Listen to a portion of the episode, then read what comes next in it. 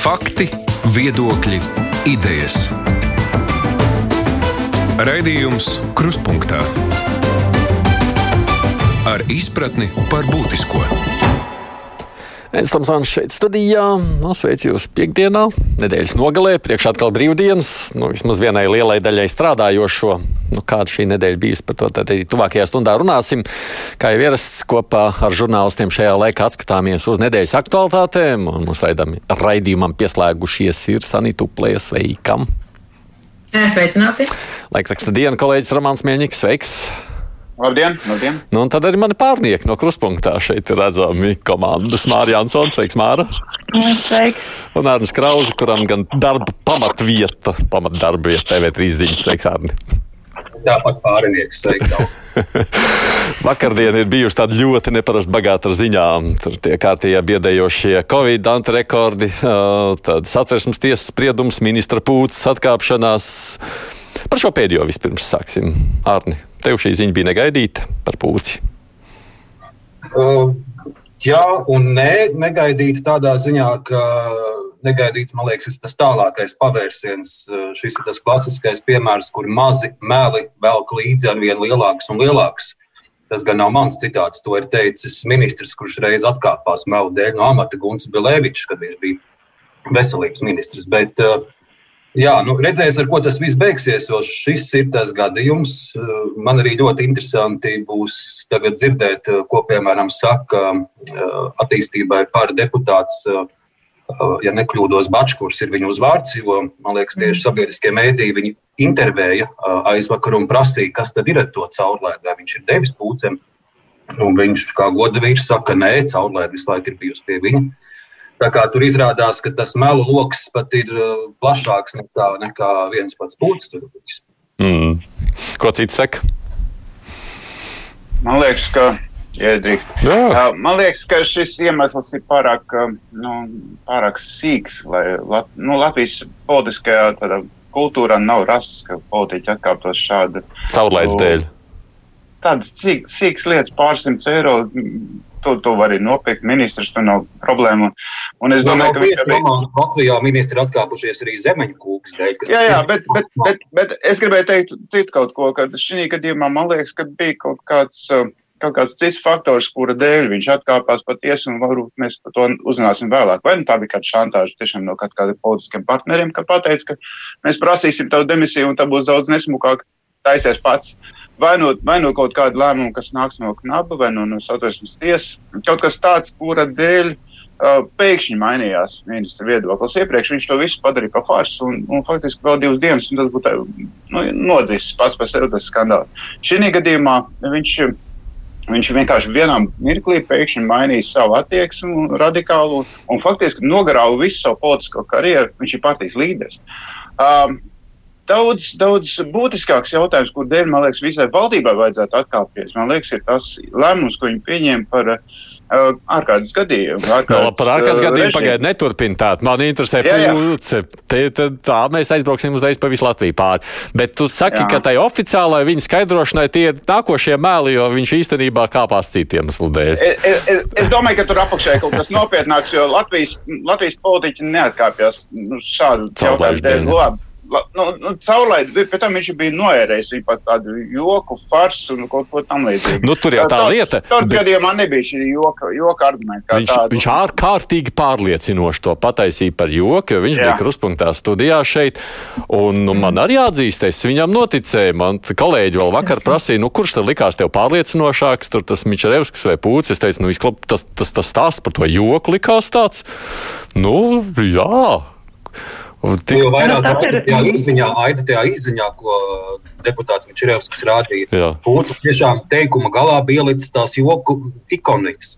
Un es arī noticēju, ka, ka ministrs saka taisnību, ka viņš to ir rakstījis kā joku. Jā, nu, Bet tas, ka viņš tas, ka viņš tā acīs skatoties meloja, jo nu, tas naivais skatiens, tas uh, patiesībā man šķiet, ka liek kaut ko padomāt arī viņa partijas biedriem, nu, apvienības biedriem, kurus turklāt, uh, cik var saprast, viņš ir ļoti nesmuki ap, aprunājis, jo tajā brīdī, kad Mičerevskis stāstīja, ko Pūca un viņa dombiedri runā par apvienības biedriem, Es, man pirmā doma bija, ka viņiem visiem būs kaut kad nākamajā dienā vai aiznākamajā jāsatiekās. Nu, kā viņi vispār spēs viens ar otru runāt? Un es domāju, ka šis aizvainojums arī ir kaut ko nospēlējis. Uh, protams, uh, nu, apvienības biedri, teikt, mēs arī Twitterī redzam, ka viņi tur retvīto uh, pūces atkāpšanos iemeslus, tur sit uz pleca malacis goda vīrs, bet es domāju, ka tas aizvainojums ir palicis. Es, protams, nezinu iemeslus, kāpēc viņš atkāpās. Nu, tos konkrētos, jo tikai pieķeršana malos arī var nebūt uh, tas iemesls, vai arī bailes, ka tas atklāsies, jo, jo ilgāk viņš melot un jo vēlāk tas atklātos, jo būtu nesmukāk. Bet varbūt ir bijis kaut kāds spiediens arī no viņa partijas puses. Mm. Es pieļauju. Nu, Sanīt, saka. Es arī teikšu, tieši tā kā jūs esat noklausījos. Pirmkārt, viņš meloja trīs reizes faktiski. Twitterī viņš izplatīja, nu jau tajā rītā vairākus apmēram, ka viņš nekad neko nav izmantojis un tā un tā. Tad bija rādio kruspunktā, un vēl vakarā bija panorāmā. Tas pats sižets, kur viņš arī bija ierunājis tieši to pašu, ka neesmu neko izmantojis, tas ir joks. Un tur, kur Andris Bačkurs, kas ar citu ir viņa padomnieks ministrijā, kurš arī teica, ka viņš nesot neko devis. Nu, man arī likās, ka viņš meloja četras reizes, jo arī TV3 ziņā viņš to. Ah, nu vēl, jā, piedodies, nezinu, bet principā jā. Un, un tad es tiešām arī domāju, ka nu, nevar būt, ka cilvēks var tā, tā, nu, tā teikt. Nu, es noticēju. Līdz ar to, teiksim, vakardien es biju diezgan šokēta, bet tagad jau, nu, ka, ka faktiski viņš ir tiešām melojis. Turklāt, eh, ja viņš zināja, ka patiesībā, kā es tādu saprotu, ka savieto ķēdīt kopā, ka tas ir viegli noskaidrojams, un staķiem vajadzēja tikai palūgt paskatīties, kā es saprotu, laikam ir tie numuri, mašīna reģistrēta, var cikot, tas bija tiešām viegli noskaidrojams. Un tagad izskatās, ka tas tiešām bija kustības par to kolēģu, kurus, es domāju, tas vairāk uztrauc eh, tas mm, reputācija un prestižs, ka tas faktiski bija viņas spiediens. Jo tā kā arī nāca tās ziņas, tās relīzes, kādā steigā, kā sasteigt, kā noformulēts, nu, tas, tas bija redzams, ka tur bija arī tā, tāda spēle, tāda savstarpēji apsteidzoša. Tā kā es neredzu, ka tur būtu apakšā kaut kas vēl dziļāks. Es domāju tikai tas, ka faktiski viņam, nu, viņi viņu piespieda, viņam, viņam nebija iespējas cits nekāds. Un, un tāpat laikā viņi arī izspēlēja pareizi ka viņi faktiski viņš pats atkāpās, viņi piespieda, un ka nevajadzēja, vārdu sakot, Kariņam prasīt. Nu, tas arī no politiskā tādas saspēles vidū koalīcijā, teiksim, ka, ka tagad Kariņš vienkārši tik palika, nu, neko, viņš pieņem demisiju, viņš vairs īsti neko nesaka, teiksim, nu, nedot arī viņam rokā to, to iespēju tā kā pakaunāt pots un tam līdzīgi. Tā kā tur tā spēle, es, es neredzu, ka tur būtu vēl kaut kas cits, nu, vienkārši Jā, nu, ja cilvēki dara tādas lietas, tad viņas kaut kur nāk gaismā. Nu, Bet jāņem vērā, ka tas nav ierīnas biedrs kādā partijā, tas ir partijas līderis. Tas nu, ir viens no vēl vainu pastiprinošs apstākļus šajā tas, tas situācijā. Tas ir vainu pastiprinošs, bet, nu, parasti līderi, nu, netiek upurēti. Faktiski viņš tiek upurēts vispār pilnībā no politikas, jo viņš ir uz mūžu mūžiem ir melis tas uz pieres uzrakstīts, viņam būs vienmēr, un viņš nekādās tālākās politiskās. Uh, Nē, es nedomāju. Es nedomāju. Mums ir vēl bijuši gadījumi, kad cilvēki, principā, un politikā mums ir arī sabiedrībai jānovērtē. Ja cilvēks aiziet no šī amata, viņš zaudē daudz privilēģiju, viņš uh, nu, ir pietiekami publiski arī kauns un tam līdzīgi. Eh, viņam ir tiesības nākt atpakaļ caur vēlēšanām. Jā, caur vēlēšanām es teiktu, ja cilvēki Un e, skatīsimies arī, kas, kas ir vēlētāji un kādas ir Latvijā cilvēkiem vērtības un kritēriji. Nu, nav jau tā, ka visi ir e, vienādi domā un mēs redzam, ko ievēl. Nu, tas ir cilvēku tiesības vērtēt, bet nu, tad ir jāiet ar vēlēšanām. Es domāju, ka romāns, romāns nedaudz par skaļu saka, jo mums, piemēram, arī šobrīd saimā ir politiķi ar kriminālām apsūdzībām. Jā. Mums ir Uh, iepriekš bija ietekmīgu partiju vadītāju un premjeru kandidātu ar, ar pamatīgām apsūdzībām. Mums ir uh, viena ministre, kurai bija liela aizdomēna, ka viņas ģimene maksā aploksņa algas tālbraucēju šoferiem. Tā kā tie piemēri ir, ir, ir daudz un daudz.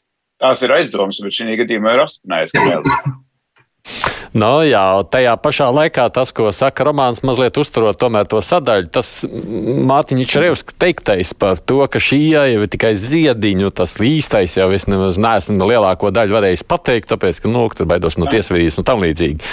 Tur ir kāds pamats tam tā domāt, vai nē. Nu, redzēju, caurlaid apstiprinājis, tad varbūt arī par pārējo, lai gan viņš tur lielā. Nē, nu, pamats jau droši vien, ka kaut kāds ir. Nevelti jau arī pirms uh, Mārmiča Revska atklāsmēm par to tika runāts. Un, uh, tā, tā partija jau visu laiku izsk apvienība izskatījās, kā nu, Latvijas attīstībai, tad tur, tur ir tie darītāji, un uh, pāri ir vairāk ideālisti, un tagad vēl uz Rīgas domu paņēma progresīvos, kas ir vēl cita veida ideālisti, bet uh, tagad, kad Rīgas domē izrādījās, ka Latvijas attīstībai nu, īstenībā jau kā partija zaudēja, jo vairāk vietas ieguva viņa partijas biedri, nu, tad es pieļauju, ka arī tās lietas, kuras Māris Mičerevskis nenosauca, ka tas viss lēnām izraisa arī apvienības biedru neapmierinātību, jo gal galā viņiem ar to ir jādzīvo un visu laiku par un arī progresīvie šad un tad ir mēģinājuši tā kā teikt, nē, nu, mēs tā kā tur neuzskatām, ka Bondaram ir jāatkāpjas, nu, labi, progresīvie gribēja, lai viņš atkāpjas no viņa budžeta komisijas un nu, viņi ir kā mēģinājuši aizstāvēt Latvijas attīstību pret uh, visiem uzbrukumiem, kas ir vērsti, un šajā situācijā nu, ir tāda sajūta, ka viņi vairs negrib aizstāvēt, jo viņiem ir apnicis visu laiku piesekt, īpaši ņemot vērā, ka Rīgā nu, viņa ietekme ir pamatīgi mazinājusies. Tieši Latvijas attīstība. Jāņem vērā arī sponsori intereses, partijas ziedotāji intereses, un tas noteikti bija saistīts ar to, lai pūts atrastos amatā. Tad noteikti arī tas radīs problēmas partijai. Kā jums šķiet, ko tas vispār nozīmē partijai? Jo jāskatās jau droši vien ne tikai partijai, bet arī apvienībai. Kā jūs redzat, tas nesīs kādas lielākas sekas, jeb konsekvences vai nē? Es domāju, ka tas, ko viņi arī pateikšu, viņi tagad dara un sēž. Šodien bija sanāksmes, būs vakarā Latvijas attīstībai pārbija no rīta, e, būs brīvdienās, viņi spriedīs. Es domāju, ka viņi spriedīs, viņi izspriedīs, bet e, man liekas, ka viņi arī ļoti labi saprot, man ir tāda sajūta, viņi ļoti labi saprot, ka viņiem ir jāturās kopā. Jo visi šie panākumi gan 13. saimā, e, gan Eiropas parlamentā iegūstot pirmo reizi vietu, un arī Rīgas ārkārtas domas vēlēšanās, tas ir tikai tāpēc, ka šie spēki ir kopā saliekot visus resursus, un tā skaitā piesaistot arī progresīvos. Nu, tur ir jāsaliek intelektuālie, organizatoriskie, finansiālie resursi, un to visu saliekot kopā. Es nedomāju, ka viņi katrs atsevišķi ejot varētu kaut ko tādu iegūt. Līdz ar to e, tas viņus varētu turēt kopā, tāpēc, ka politikā ir vara jāiegūst, lai īstenot savas intereses, un tas nav, nu, tas vienkārši tā ir jādara. Un tāpēc viņiem tagad ir jāsaprot, e, kā labāk e, turpināt kopā. Turklāt ņemsim vērā arī, ka katrai šai partijai, kas ietilpst šajā apvienībā, ir savs vēlētājs, un viņiem ir atšķirīgs intereses. Un, un varbūt, ka Latvijas attīstībai vēlētājiem nemaz tas neliekas nekas tik briesmīgs. Nu, to mēs arī varam pieļaut. Mēs zinām par kādām, nu, kā ir tāpat par ZZS un citām partijām, cilvēki vēl, vēl, vēl gadiem neraugoties to, kas notiek publiskajā telpā. Tā kā es domāju, ka viņi turpinās ar šiem kopā. Nu, jautājums, kā viņi tur iekšā izskaidros. Tik daudz, ka droši vien parastam vēlētājiem vienai lielai daļai jau viņi vispār liksies kā tāda viena kopiena. Un tā brīdī, kad parādītos divas, es pat pieļauju apjukt cilvēku un domāt, hmm, nu, ko tad nu tagad darīt. Vēl kāds ir gatavs par šo izteikties, Arni? Es domāju, ka tur liels ietekmes varbūt nebūs, jo, jo it sevišķi kopš Mārtiņš Stāčs kļuva par Rīgas mēru, viņš kļūst par par eh, šīs apvienības, eh, šī politiskā spēka vien redzamāku seju. Un šeit arī svarīgi, es saprotu no sociālo mediju ierakstiem, ka Mārtiņš Staķis eh, pat negaidot kādu uzmundrinājumu pats personiski vai kādam lūdza šos stāvvietu papīrus pacelt. Un, un, un, un cik var noprast, tieši šī darbība arī lielā mērā šos mēlus atklāja un lika Jurim Pūcam atkāpties. Tā kā es tādas liels sakas šeit neredzu uz nākotni. Piebildīsim, ka Mārtiņš Stāčs bija vienīgais, kas varēja to prasīt, ja viņš ir Rīgas mērs. ne jau citas partijas biedri varēja to vispār izdarīt. Bet jā, tā, tā, tā tas ir. Nu, te pašā laikā pieminētais uh, gan romāna teiktais, gan arī nu, Mičerevs tās atziņas jau liek domāt, ka tur kaut kāda iekšēja. Bet Nāri Mičerevskim, ja viņš pateica, ā, viņam jāpasaka visi Nu, pārējie alfabēta burti. Bet tos viņš nesaka. jānāk klajā ar konkrētām lietām. Es domāju, ka gaidām. kaut, es, es domāju, ka nāks kaut kādi fakti vēl klajā, īpaši ar kaut kādiem sponsorējumiem. Nu, viens mārs, kurš nezinu, vai viņš uzvārdu nesaka, viņš saka, ka mums esot apbrīnojams žurnālistu naivums. Nu, labi, lai viņš saka, Nu, ka lai viņš padalās, ko mēs tieši nesakam un nezinām, jo tā jau, protams, ir viegli izteikt kaut kādus mājienus, ka, nu, tur kaut kas ir, bet ļoti gribas konkrēti dzirdēt, jo tā aplinkus, nu, tā var ļoti viegli runāt, bet eh, kaut kādā brīdī ir jānāk arī konkrētībai. Un jautājums ir Mārim, tam, kurš Mičerevskis, ja tu esi gadiem šo redzējis, tu esi tur bijis, tu esi saņēmis algu ministrijā kā pūtas padomnieks, pietiekami pieklājīgs algs tur, ir, tad jautājums ir, kāpēc tu to visu pieciet, un ja tu tagad nāc klāt, tad saki līdz galam. Mm. Otra ievērības cienīga ziņa vakar bija par satversmes tiesas spriedumu. Sāksim, Sanita, ar tevi. Ko tu saki par tavuprāt, par ko šis spriedums liecina? Vai te var izdarīt arī kādus tālējušākus secinājumus? Nu, spriežot pēc e, jurista komentāriem un izlasot šo spriedumu, jā, tur, tur vienkārši ir faktiski, tiesa ir uzdevusi likumdevējiem, nu, sanāk tā, ka līdz, e, nu, tā var saprast. Nu, viņi vienkārši nosaukuši to datumu, ka 2000, 2022. gada 1. jūnijā beidz darboties tā norma. E, uz visiem attiecībām, nosakot to likumu, tas nozīmē, ka likumdevējiem ir dots laiks tātad dažādos likumos, dažādus paredzētos regulējumus, neskarot laulības jēdzienu kā es saprotu, laulība paliek starp vīrietu un sievieti, kā satversmē, bet faktiski tiesa ir pateikusi, tā realitātē tādas ģimenes ir, ģimenes var būt dažādas, un šiem cilvēkiem ir jāaizsargā. Nu, tas ir tagad tikai, nu, protams, tur šiem saimā tas neies viegli, būs dažādas, dažādas diskusijas, bet, kā es saprotu, arī pat konservatīvākie spēki jau ir faktiski nesen bija tā saimā debats par to e, pilsoņu iesniegumu par vienzimumu laulībām nodošanu, komisiju nu, nu noraidīšanu. Tad, jā, tad tur arī izskanēja faktiski tas, ka to jau var atrisināt Tad ir juridiskās, eh, kā saka, retorikas jautājums, vai to atrisina saistību tiesību vai ģimenes tiesību. Bet nu, skaidrs, ka tas eh, pat konservatīviem spēkiem ir skaidrs, ka kaut kādā veidā tā aizsardzība būs jārisina. Kā, nu, tas, tas ir laika. Bet vispār ir, ir ļoti interesanti, kas notiek, ja saima iecērtas un eh, nu, kaut vai vēl garumā, un, jo tas termiņš nemaz nav tik ilgs dots līdz kuram ir jāsakārto un eh, nu, ko var saimā izdarīt, ja viņi nedara. Jo šajā eh, situācijā nu, tas eh, tiek uztverts arī ļoti politiski, jo mēs jau redzam pirmos komentārus, ka atkal vecais labais arguments, ka tradicionālās vērtības tiek aizskartas un visu laiku tiek miksēts jaukt laulības jēdziens un ģimenes jēdziens. Nu, tā ļoti iecirtīgi. Mm un e, apšaubīts satversmes tiesas vispār vajadzība pat no dažas e, politiķu puses. Un e, tāpēc es nezinu, vai saima tā vienkārši ņems un darīs, jo, protams, ir vieglāk pat piešķirt budžeta finansējumu GMI palielināšanai, piemēram, jo tā ir naudas lieta, bet daudz grūtāk ir pieņemt šos politiskos lēmumus. Un es gribētu saprast arī, nu, kādas sekas var būt tam, ja saima principā nepilda to. Manuprāt, nekādas nav. nav. Nē, bet šis ir, tāds, šis ir tāds ļoti interesants no otras puses situācija, ko mēs redzēsim nākošā gada laikā. Tur deputātiem ir vai nu jārīkojas pretēji savai sirdsapziņai, jo deputātu vairākums tā kā ir sacījuši nē iepriekš iesniegtajām iniciatīvām mēģināt šo jomu regulēt. Un no otras puses ir satversmes tiesas spriedums, kuru nu, mēs atzīstam kā augstāko juridisko.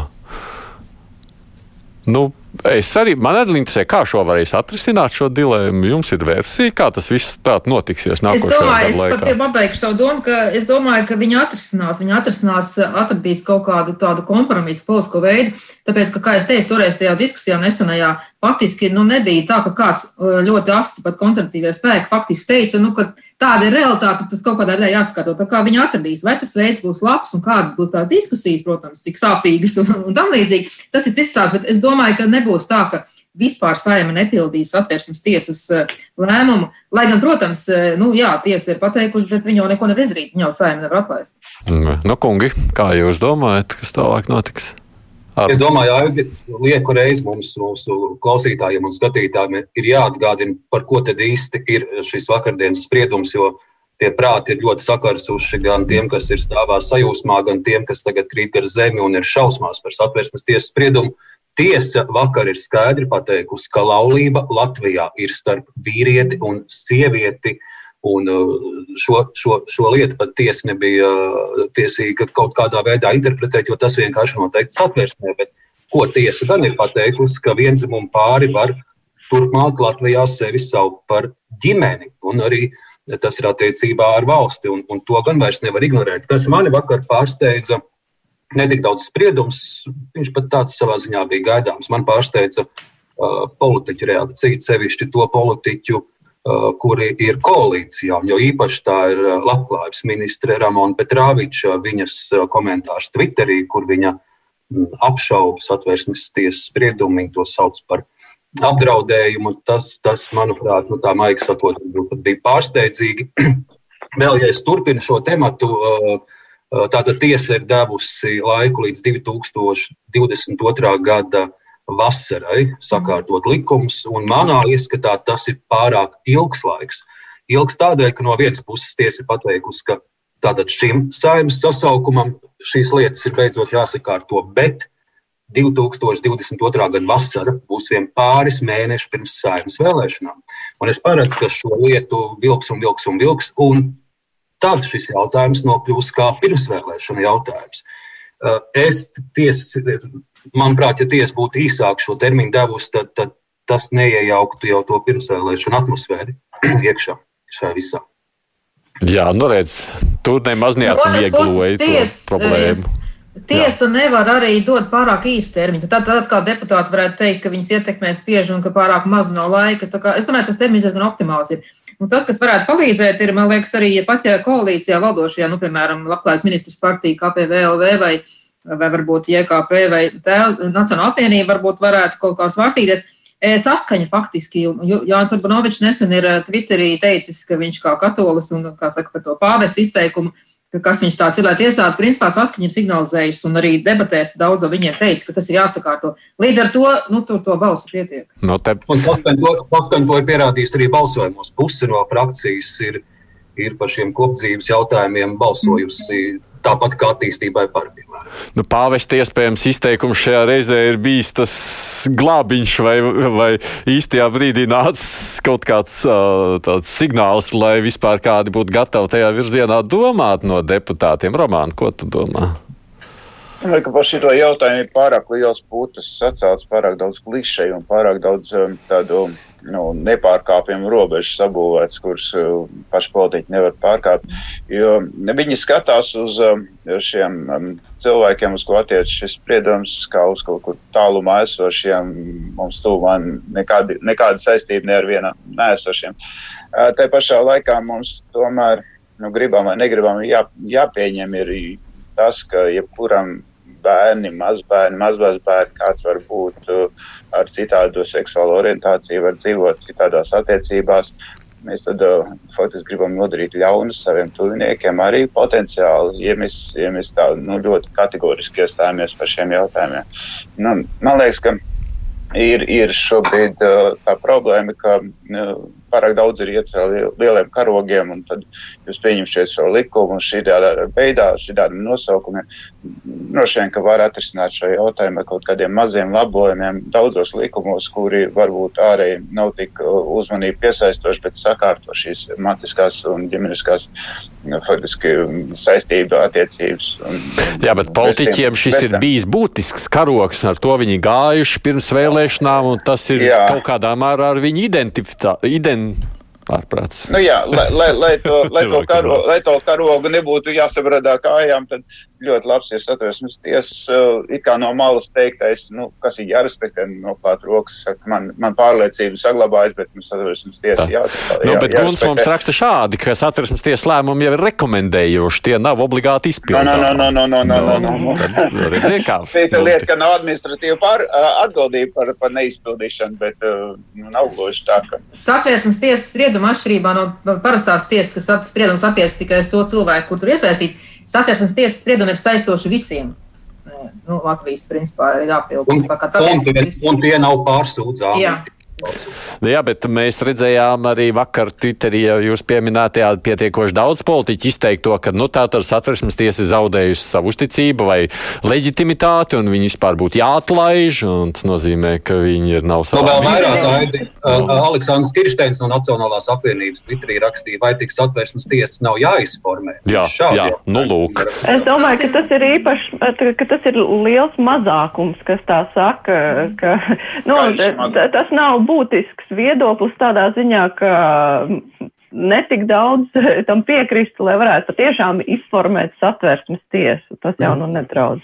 No, man bija interesanti klausīties tieši pirms kruspunkta ziņās, Latvijas radio ziņās, bija kolēģi apkopojuši uh, politisko partiju viedokļus, un, un es tur saklausīju, ka, ka nu, nav tā, ka visi ir stingri ierakumos nocietinājušies. Jaunā konservatīvā partija teica deputāts Velmans, ka viņi tagad klausīsies, ko Tieslietu ministrija saka, un tad meklēs juridisks risinājums. KPV eh, Zakatistovs saka, ka ir jāpilda satversmes tiesas spriedums.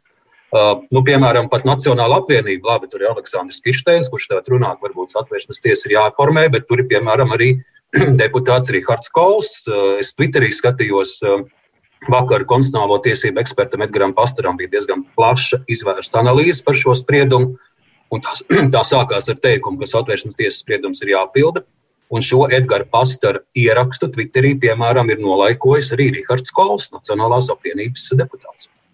Redz, tas ir daudz, daudz, daudz, daudz ko varēs tagad attaisnot ar satversmes tiesas spriesto. Nu, zināmā mērā tu pārmeti tiltu uz nākošo tēmatu, Arni. Es tikai atgādināšu par tiltu pēc tam. Šeit uh, raidījumā iesaistījušies ir četri mani kolēģi, kas mēs spriežam par to, kāda šī nedēļa bijusi. Sanita Uplē no Delfiem, Romans Mēņņiks no Dienas, Mārija Ansona tepat krustpunktā un TV3 ziņas Arnis Kraus, kurš arī ir jau krustpunktā. Raidījums Krustpunktā. Un par to tiltu metot, es domāju, tieši šo pāvesta izteikumu nosacīti, ja, kas varbūt tā, tādiem cītīgiem katoļiem ļauj pārdomāt vismaz savu līdzinējo nostāju. Šī katoļu baznīcas tematika šajā nedēļā parādījās vēl vienā tādā interesantā faktā, un tā arī ir vakardienas ziņa, ko mēs lasījām, ka viņi gatavo tādu kā popularizējošu kampaņu par dievticību, ierakstot tur pazīstam cilvēku stāsts par viņa attiecībām ar Dievu. Un tas jautājums, to jautājums raisīja fakts, ka šajā kampaņā būs iesaistīts arī tieslietu ministrs. Jānis Bordāns, kurš, nu, kā zināms, arī pats pārauga reliģisko institūciju darbošanos. Vai jūs tur sardzat kādu ētiskas dabas problēmu? Māra. Nē, sakša Māra. Pārāk. Nepārāk, tu nepārāk. Nepārāk, jo, ne, protams, ka var atgādināt to, ka baznīca ir šķirsta no valsts, tajā pašā laikā, nu, katram cilvēkam ir viņa reliģiskā brīvība, ir tiesības uz uh, uz uh, reliģiju. Un uh, es domāju, ka, protams, ka tāds uh, sašutums neizvērstos tad, ja, piemēram, kāds ministrs, nezinu, vienalga, kurš būtu tā kā ģimenisko vērtību seja vai vienalga kādu liberālo vērtību seja, nu tad kaut kā neuztrauktos. Nu, šajā gadījumā ir, nu, reliģija. Uh, katolicisms izlikts priekšplānā. Es nezinu, man š, es nesaskatu lielu problēmu, ja viņš ir katolis un ja viņš ir gatavs par to runāt, kāpēc ne, jo arī savu reliģisko pārliecību un iešanu uz baznīcu neviens politiķis jau nav slēpis, arī valsts prezidenti ir bijuši, kuri aiziet uz baznīcu, lielajā piekdienā negrib sniegt intervijas, piemēram, Uh, nu, tāpēc, ka šodien ir tāda diena, nu, cilvēkiem ir tādas tiesības, un uh, amatpersonas, uh, būšana amatā, tas uh, neizslēdz tiesības uh, piekopt kādu reliģisko pārliecību. Mm -hmm. nu, Māra saka, ka viņi nesaskata liels problēmas. Es šeit nesaskatu vispār nekādas problēmas. Un es kad uh, ieraudzīju šo tēmu, tā ir. Tā saudzīgi pateikt. Es tāpat pabīnījos, kur, kur šeit vispār ir problēma. Es arī neko nezināju par šo, bet uh, iegāju Katolas LV mājaslapā un paskatījos, kas tad ir par kampaņu. Un es tur noskatījos, gan jā, tieslietu ministra Bordānu. Tas ir trīs minūšu tāds video rullīts YouTube, kur viņš pat nepiemina katoļu baznīcu. Viņš tur stāsta, kas viņam dod spēku, kas viņam dod ticību. Un, uh, savā ziņā ļoti neitrāls. Tur šai kampaņā, katoļu baznīcas kampaņa, nu, ja to var nosaukt par kampaņu, tur arī uh, Vestards Šimkus, operas dziedātāja Marina Rebeka un citi. nu, man liekas, daudz bezgaumīgāk ir piemēram redzēt labklājības ministri Lepsa koncertā ar, ar, ar īsu kleitu, nevis tieslietu ministru stāstam, kas viņam, kāpēc viņam ir ticība un dievs svarīgs. Es tiešām problēmu neredzu. Cita lieta tas, ka jā, katoļu baznīca jo īpaši arī pareizticīgā, viņiem patīk ar politiķiem cieši attiecības uzturēt. Mēs to redzam Aglonas svētkos, uh, it sevišķi pirmsvēlēšana gadā, kad tā skatuve uh, dievlūdzēja priekšā gluži vai lūst pusi no politiķiem, kas tur ir uh, saicināti priekšā. Un līdzīgi arī politiķiem dažādi baznīcas ordeņi tiek dot un tā tālāk. Bet, bet šeit jūs noskatāties to, to Bordānu trīs minūšu teikt, teikt, es tur tiešām neko, neko nu, tematu, protams, pievērš gribai negrib uzmanību ziņu virsraksti, kas vakar lielajos visos portālos bija, un tie bija tādi, kas liek domāt, hmm, divu domīgi. Nu, redz, divi man. Nu, virsraksti, virsraksti skaļi, bet vai kāds ir noskatījies to Bordānu rullīti, ko viņš tur saka? Jā. Ko pārējie kolēģi sakāt? Es līdzīgi kā Māris neredzu problēmu, ka viņš pārauga, teiksim, jo tieslietu ministrijas pāraudzībā un ministrijas pāraudzībā, ne tikai ministri tiešā, tāpat ir politisko partiju reģistrs un, un, vēl citu reģistru, tā kā es tur neredzu problēmu.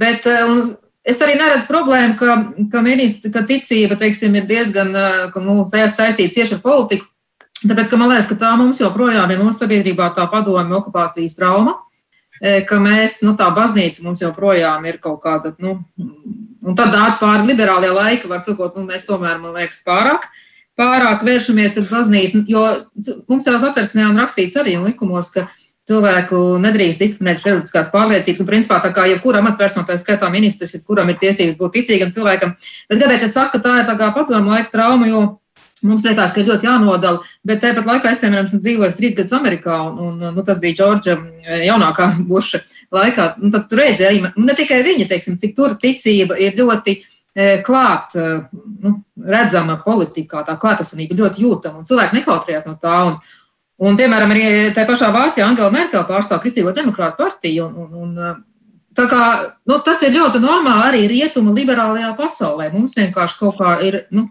kaut kāda vēsturiska, diemžēl, es teiktu, tas ir ļoti žēl vēsturiski kaut kādu iemeslu pēc, traumu pēc.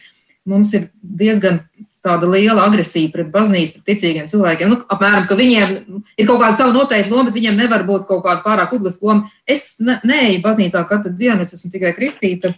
Es esmu padomu laikos, un es neesmu ļoti ticīgs cilvēks, bet es ļoti cienu e, citu cilvēku tiesības brīvi reliģiju. Mm -hmm. Man nav ko piebilst, visi kolēģi ļoti labi pateica. Es vienkārši āmeni pieliec klāt, vai ne? Nu, kas nozīmē, ka ja, ja, ja, ja konservatīvā partija lielā mērā ir tāda nu, katoliska, nu, nu cilvēki, kuriem tur ir ticīgi ar katolisko ticību, tad, iespējams, tas pāvests sacītais viņai var palīdzēt arī tajā mūsu iepriekšējā tematā. Tas man likās tāds tiltiņš tikai šajā kontekstā. Skatoties uz ziņām, joprojām neparādās skaitļi par to, cik ir saslimuši. Mums jau vakardienas un visiepriekšējā pieredze rāda, jo vairāk saslimušo, jo tā cipars ir liela. Tā, to ciparu zinām vēlāk, kas nozīmē, ka mums atkal visticamāk sagaidīsim lielu saslimušo skaitu. Man jau vairs nezinu, mēs sākam pārstāt baidīties laikam no tiem simtiem. Drīz būsim pie tūkstoša, ja tosimies to, to, to tad arī jau pieradīsim, līdzīgi kā to jau lietuviešu kolēģi pieraduši. Mums vakar bija diskusija šeit radio ēterā, un mēs uh, piedzīvojam ļoti atšķirīgus viedokļus, un nemaz tādu vienprātību tajā neatradām par to, vai vajag sodīt par aicinājumiem internetā nepakļauties valdības noteiktiem rīkojumiem pandēmijas sakarā. Viedoklis bija puses puses, gan no klausītāja puses, gan no mūsu dalībnieku puses.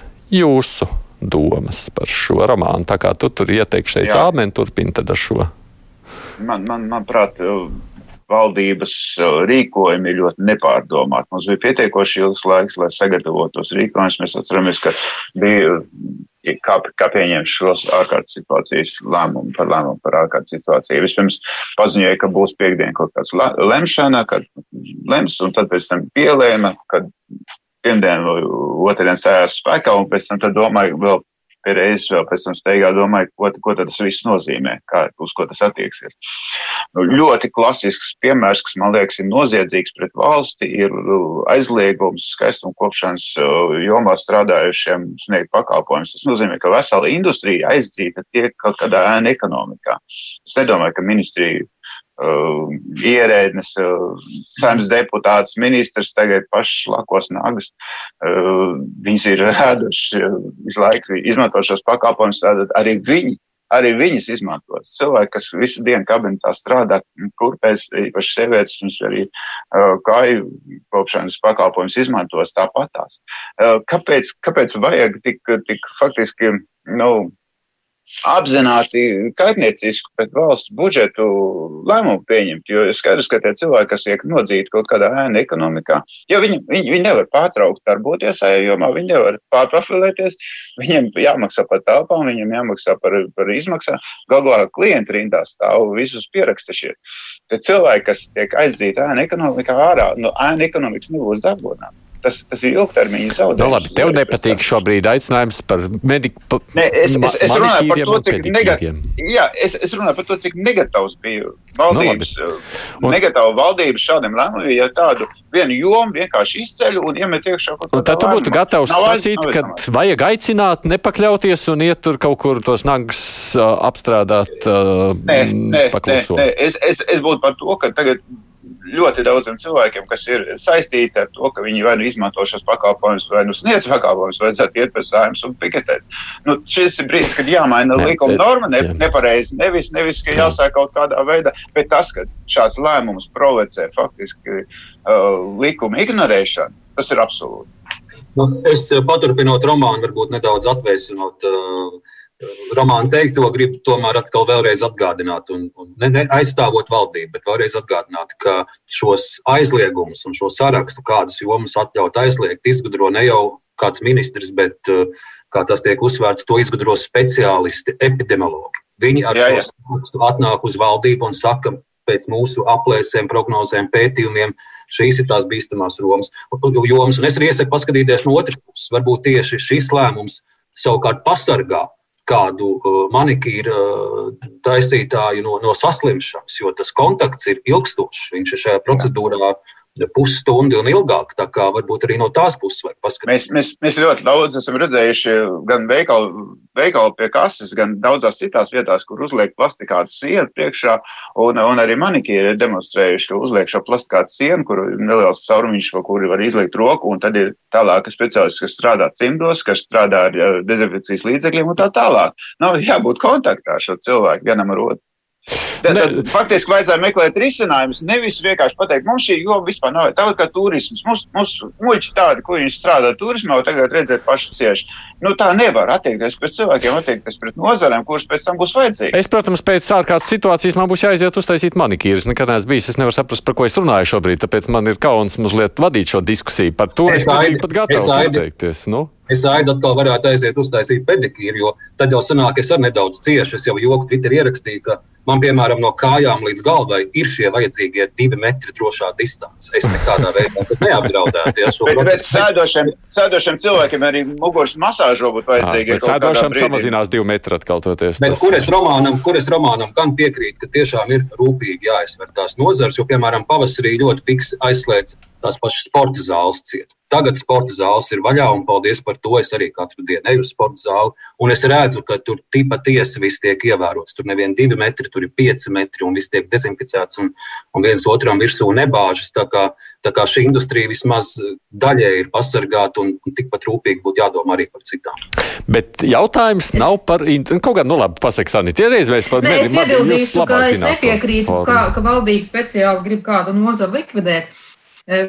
Ir tā, ka šajos laikos kādām nozarēm ir, ir, ir īpaši grūti, varbūt, bet tāpat laikā ir tomēr palīdzības pasākumi būs. Un, un, un, un nav gluži tā, ka cilvēki pilnīgi palīdz iztiks līdzekļiem. Un, tomēr tie speciālisti arī skaidro un skatās, kāpēc frizētājs ir vaļā. Nu, ka frizētājs nevar maksimēr pats apgriezt nagus vai apgriezt tomēr pats. Un pagaidām tas ir uz mēnesi. Teiks, nu, mēnesi var, tāpat kā cilvēki nevarēja saprast un joprojām kā saka, prasa, kāpēc ir būvniecības veikala vaļā, bet to ir skaidri pateikusi arī ministri un speciālisti, ka, ka tās ir pirmās nepieciešamības preces, salūst krāns vai tolets pocis, vēl kaut kas, tad tas ir higienas jautājums un, un, un tas ir vajadzīgs cilvēkiem. Bet par to, ka ir jāievēro, nu, protams, tas, ja ir spēkā, ir jāievēro. Var iet eh, legālo ceļu, kā saka, strādāt ar deputātiem, ministriem, prasīt eh, izmaiņas un panākt tās izmaiņas regulējumā. Bet, ja ir kaut kas eh, spēkā, tas ir jāievēro. Nu, kā, kā, kā var aicināt, eh, neievērot likumu, kā var neievērot likumu? Stāsts nav par to, vai tas ir spēkā vai nav spēkā, vai mēs ievērojam vai neievērojam. Stāsts ir par to, ka mēs izsakām aicinājumu. Nu, droši vien tur daudz lūkojās. Nu, ne tikai, jo es nezinu, vai Judina kungs, jo vispār tā ideja nāca, kas, protams, no Judina, viņš rīkoja Twitterī aptauju, un uh, viņš rosinājis, vai saimā vajadzētu rosināt administratīvu atbildību par interneta aicinājumiem internetā neievērot likumu vai noteikumus. Vai... Bet tur ir jānošķir, un es šonadēļ klausījos, man bija jāraksta ziņas, klausījos to komisiju, kur ētikas izskatīja pārkāpumu saimnes deputāta ētikas kodeksa pārkāpums Gobzemi tādā uzvedībā, kur viņš ir par tām maskām tā izteicies. Un, un tur ir tās nianses. Viņa atzina par, nu, komisija atzina par vainīgu tur trīs punktu pārkāpumā, bet divos ne.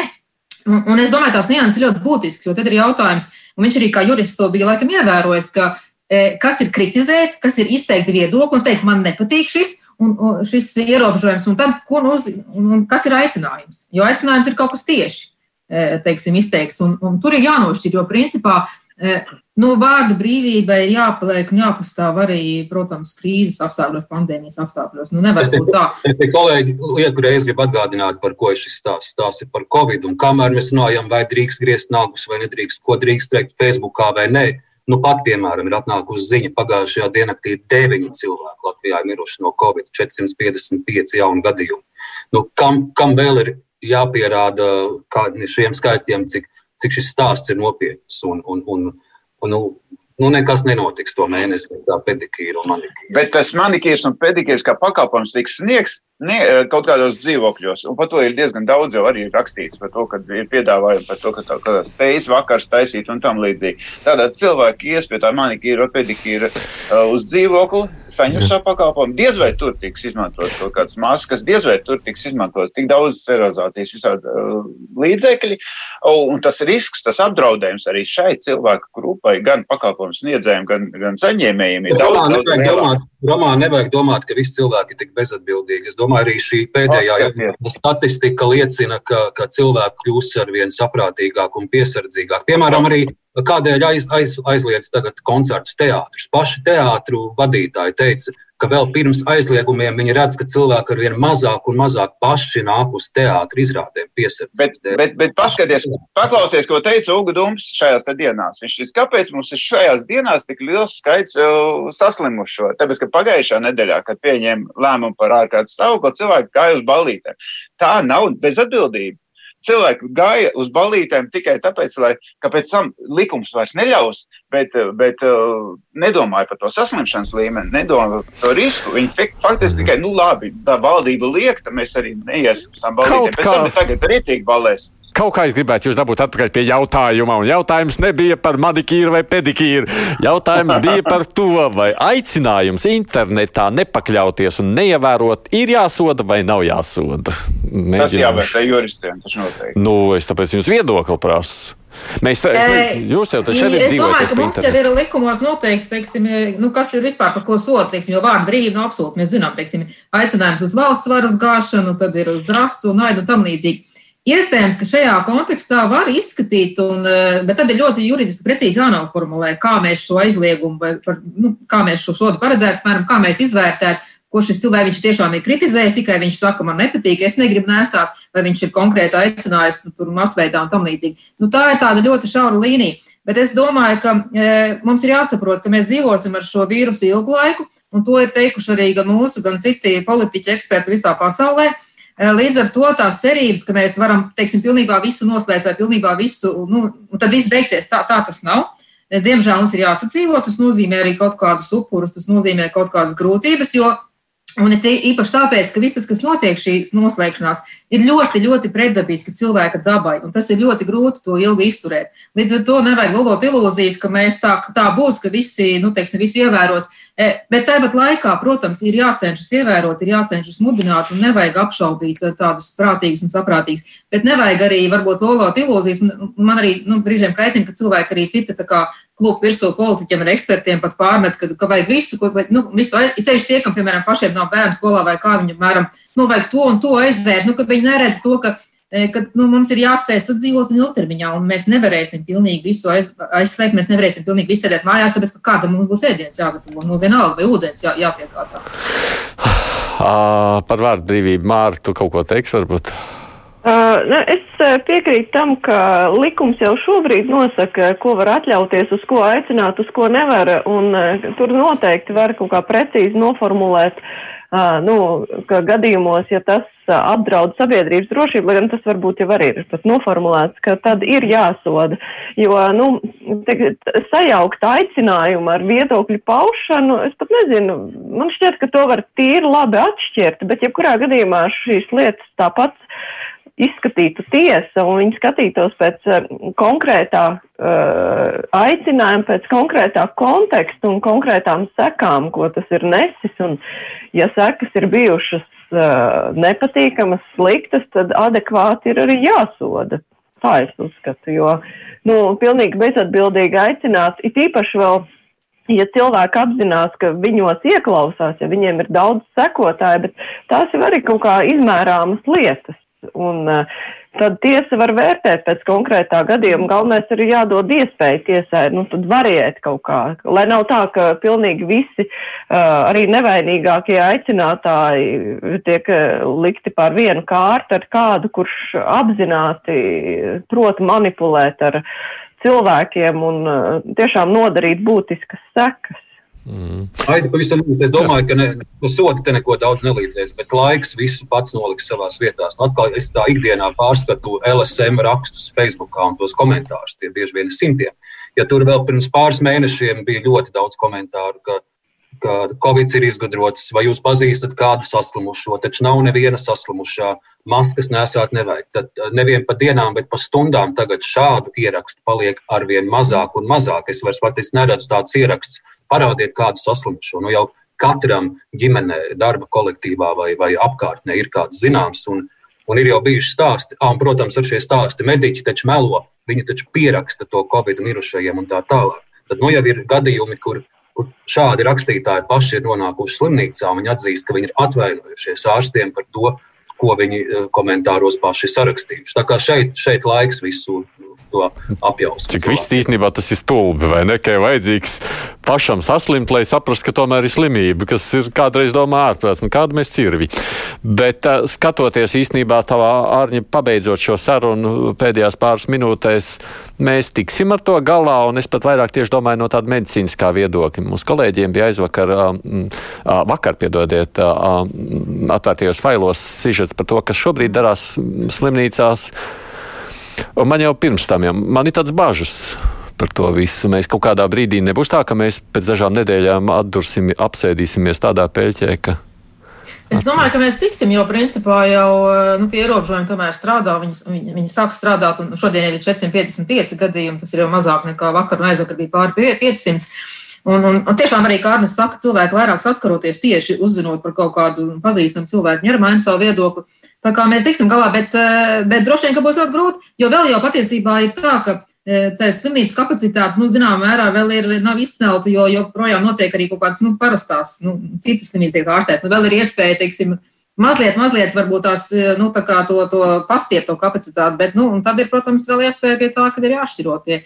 Bet eh, es vēlreiz gribu atgādināt, ka nu, mēs neesam unikāli. Pastīsimies, kas notiek citur pasaulē, un acīm redzot, nu, un tur ir vietas, kur netiek galā. Man jāatzīst, nu, lai kā tur būtu, tur medicīniski netiek galā. Tajā. Tāpēc jau tās bažas. Jā, tieši tā. Nu, es es nu, ceru, sanit... ka mēs tiksim, bet nu, tā ir. Sanita ir tāda optimistiska jūras pārīja. Es domāju, ka mēs tiksim galā, jo nu, mums ir jāņem vērā, ka, ka Latvijā tomēr nu, mūsu nav tik daudz, un eh, nu, sliktākajā gadījumā, jā, valdība aiztaisīs ciet visu, ko vien var aiztaisīt, un tādā brīdī gan šie ierobežojumi strādā.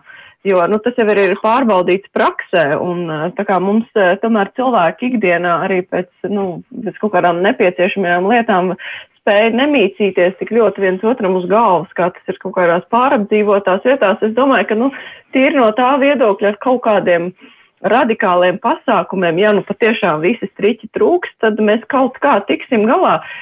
Tiesa, tas prasīs arī upurus, jo tajā brīdī, ja mēs redzam, ka ir slimnīcas pārpildītas, tad būs kaut kāds brīdis, kad mediķi būs slimi paši un nevarēs visiem sniegt palīdzību, bet nu, kaut kā jau tas noregulēsies. Un negribētos, protams, sagaidīt to brīdi, kad tas sāk nu, prasīt lielu upurus. Ka mums tik tālu nenotiek. Tā jau gribētos, ka mēs ātrāk attopamies. Tieši tā. Roman. Man, man bažas baž raisa tas, ka mums nav vienotā informatīvā telpa. Mēs latviskajā informatīvā telpā ļoti daudz par to runājam un brīdinām un aicinām. Un tad, tad uh, tie cilvēki, kas um, nu, nelasa latviešu, neklausās ziņas latviešu, neklausās, neskatās televizoru un nelasa avīzes, viņi var būt informatīvi, nu, mazāk tiek iebarot ar šo informāciju. Bet Krievijā šīs ziņas jau nu jāatzīst arī ne, nav mazāk, un tur tās ainas ir dramatiskākas, un arī Krievijas televīzija nav tā, ka par šo viņi ignorētu un slēptu. Es... Jā, jā, jā, jā. jā bet, bet, bet, bet, bet Latvijas, bet Latvijas uh, cilvēki, Latvijas politiķu teiktu, krieviski mazāk uztver nekā latviešu. Bet vai tev romāni ir bažas, vai tev ir kaut kādas ziņas, teiksim, ka tas parādās jau kaut kādā statistikā, ka tas izplatās kaut kur? Nav dzirdēts, ka krievi slimojuši vairāk es vienkārši, es, es vienkārši, es vienkārši nu, fiziski tajās retajās reizēs, kad es pārsvarā dzīvoju mājās, nekur ārā neeju, bet, bet, bet es retajās reizēs, kad ir jāiziet uz veikalu, es kaut kā vai pamantu atšķirības starp uh, cilvēkiem, kas runā savā starpā krieviski un cilvēkiem, kas varbūt, runā savā starpā latviešu attieksmē. Kaut vai tāpat tie... maskas nesāšanā zem deguna vai tam līdzīgi. Jo arī tie politiķi, kas, piemēram, saskaņas un tam līdzīgi, viņi ir, nu, kad dzird, viņi diskutē, viņi jau tomēr, eh, nu, ļoti Cenšas, apzinās jā. to. Jā, un tā kā viņi, es domāju, saviem vēlētājiem runā. Lai tā būtu, mums ir jābeidz. Es domāju, ka tas skats uz tiešām reizēm uz rietumiem, tur ir tā, ka viņi ir, man pašam šķiet, ka latvieši, lai kā mēs reizēm kaisītu pelnus uz galvas, mēs esam mazliet atbildīgāki nekā skatoties, kas notiek Francijā vai citur, vai Anglijā. Tā kā es domāju, ka varbūt jūsu optimismam ir kāds pamats arī lielāks. Uh, Sanita Uplēja, Mārija Ansona, Romāns Mēņiks, Arnis Krauze, paldies jums par iesaistīšanos. Pirmdien mēs mazliet vairāk runāsim par ideāliem un realitāti arī no šīs te politiskā viedokļa, jo mums studijā būs saimnes jaunākā deputāte Krista Baumana, jaunākā tādā ziņā pieredzes ziņā, un par attīstībai par vienu runāsim. Procentiem jūnām studijā arī Aidis Tamsons.